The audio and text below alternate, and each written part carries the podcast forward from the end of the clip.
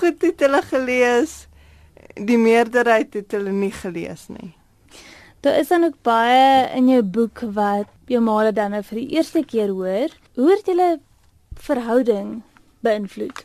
Toe ek vir die eerste keer die boek gelees het.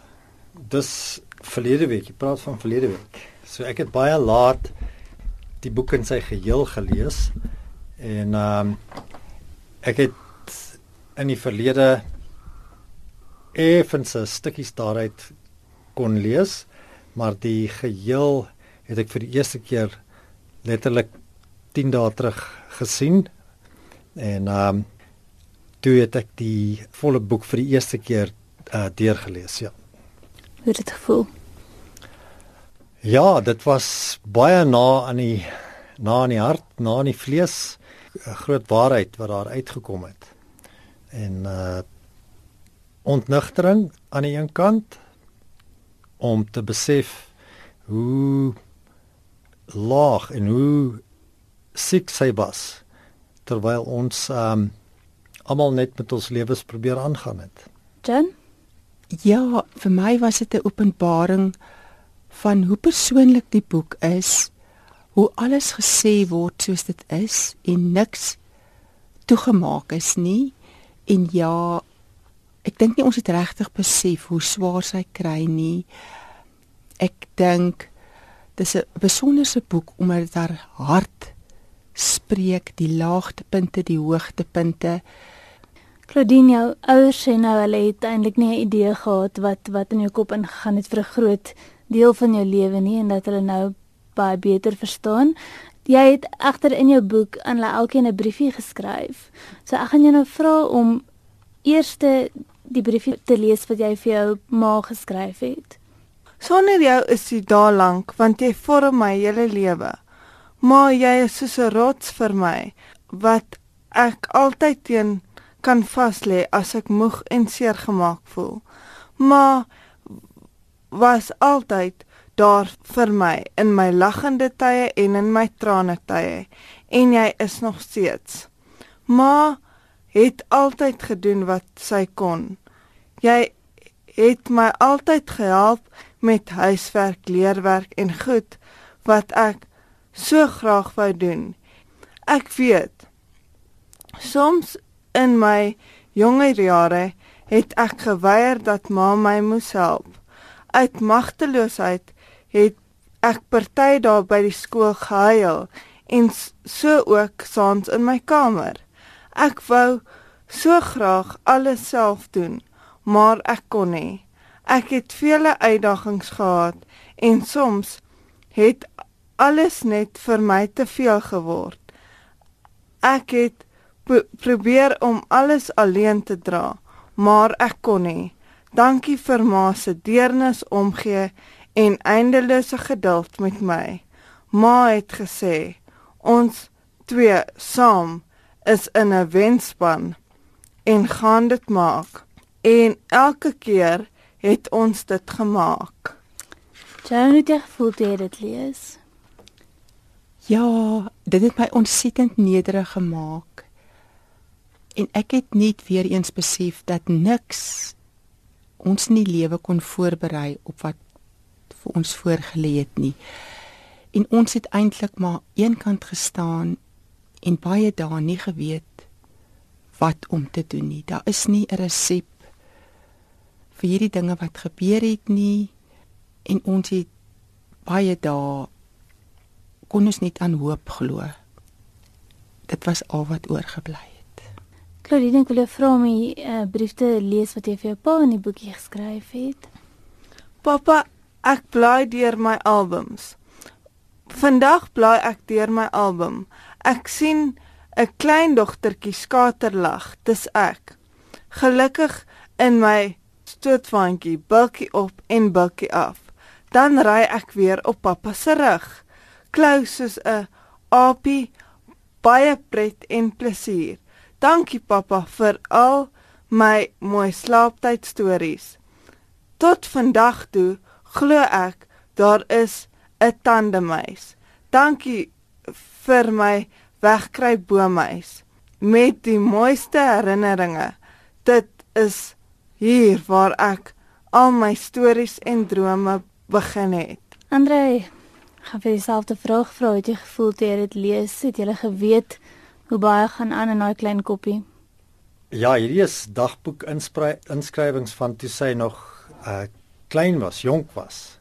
So dit is baie baie goeie ondersteuning om dit nou te kan lees en te besef hoe sy al al die jare ons liefde sterk gehou het. Het jy soms getwyfel in julle verhouding met haar? Getwyfel wat om te doen met haar?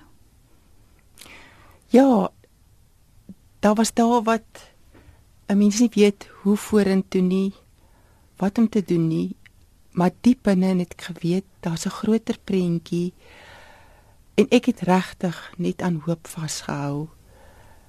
En dis baie keer die woorde wat ek ook vir haar gesê het. Ehm um, Claudine, dit sal weer beter gaan. Claudine, hoekom het jy so lank gewag voor jy hierdie skryfwerk van jou vir jou ouers gewys het? Sjoe, dis 'n moeilike vraag. Ek deur die moeilike tye waardeur ek gegaan het, het ek hartseer, liefde, geduld, ongeduld en ek het heeltyd in my kamer daaroor geskryf en altyd as ek wegloop daarvan af het ek dit toegemaak want ek was so bang hulle sien dit raak en jy was bang dit maak hulle seer. Ja, ja. Moeilike vraag vir julle as gesin. Ehm um, praat julle nog, dink julle nog aan die dag van die ongeluk? Ons uh, praat nie eintlik oor die ongeluk self nie. Ek dink dit is 'n probleem uh in die wyse waarop ons dit verwerk het. Ons was op 'n baie goeie punt in ons uh familie en gesin op pad met vakansie. Toe die ongeluk halfuur van Johannesburg gebeur het. 'n Motorkar se onderstel het net eenvoudig uitgeval en die kar het getol in alle rigtings en dit was um 'n nagmerrie wat ons um dag vir dag, jaar vir jaar probeer wegwens het, probeer uh uh uh ignoreer het. Dit was in 1995 ons um het uh foutiewelik uh nie uh ingegaan op die uh meganika of die probleme daar fout gegaan het nie. Maar ja, dis dis water onder die brug en ons um het maar net aangestap en dit probeer ignoreer. En 'n mens mens het nog vra oor daai gebeure. Dan dink jy baie daaroor? Ja, ek dink baie daaroor en ek kyk terug en ek voel ek het 'n verwysingsraamwerk van ek het my kind terug en hoeveel ongelukke gebeur elke dag waar ouers nie hulle kind terug het nie. Ons het ons kind terug. Ons het deur baie tye gegaan, stil tye. Soos Claudine sê, 'n opgewonde gesin het stil geword. Almal in die gesin het hulle eie gedagtes gehad minder met mekaar begin praat. Maar deur die genade het ons ongelooflik vasgekyk in dit wat ons nog het. Dat sy met dit wat sy oor het, haar 40% is haar 100%. Claudine, jy jy was 23 maande oud, jy was 'n babietjie toe die ongeluk gebeur het. Het jy nie verskriklik baie vrae nie? Ek het nog gals van hoekom dit met my gebeur het. En uh, ja, dit is nogal baie hartseer vir my, maar ek weet nie met wie om presies te praat nie oor my vrou wat ek het. En as jy nou in die kar klim as gesin, jy ry op vakansie, flits daai gedagtes nog deur mense kop. O ja, nee, elke keer ehm um, mens ry gereeld daai pad af na die Vaalrivier toe. En ehm um, dis elke keer ehm um, 'n donker punt om weer eens herinner te word. Maar ons um, weer eens jy jy jy stap aan, jy ignoreer dit en jy fokus op die mooi wat ons het en die vakansie wat voorlê of um, ouma wat nog saam met ons is en lekker goed te kan doen.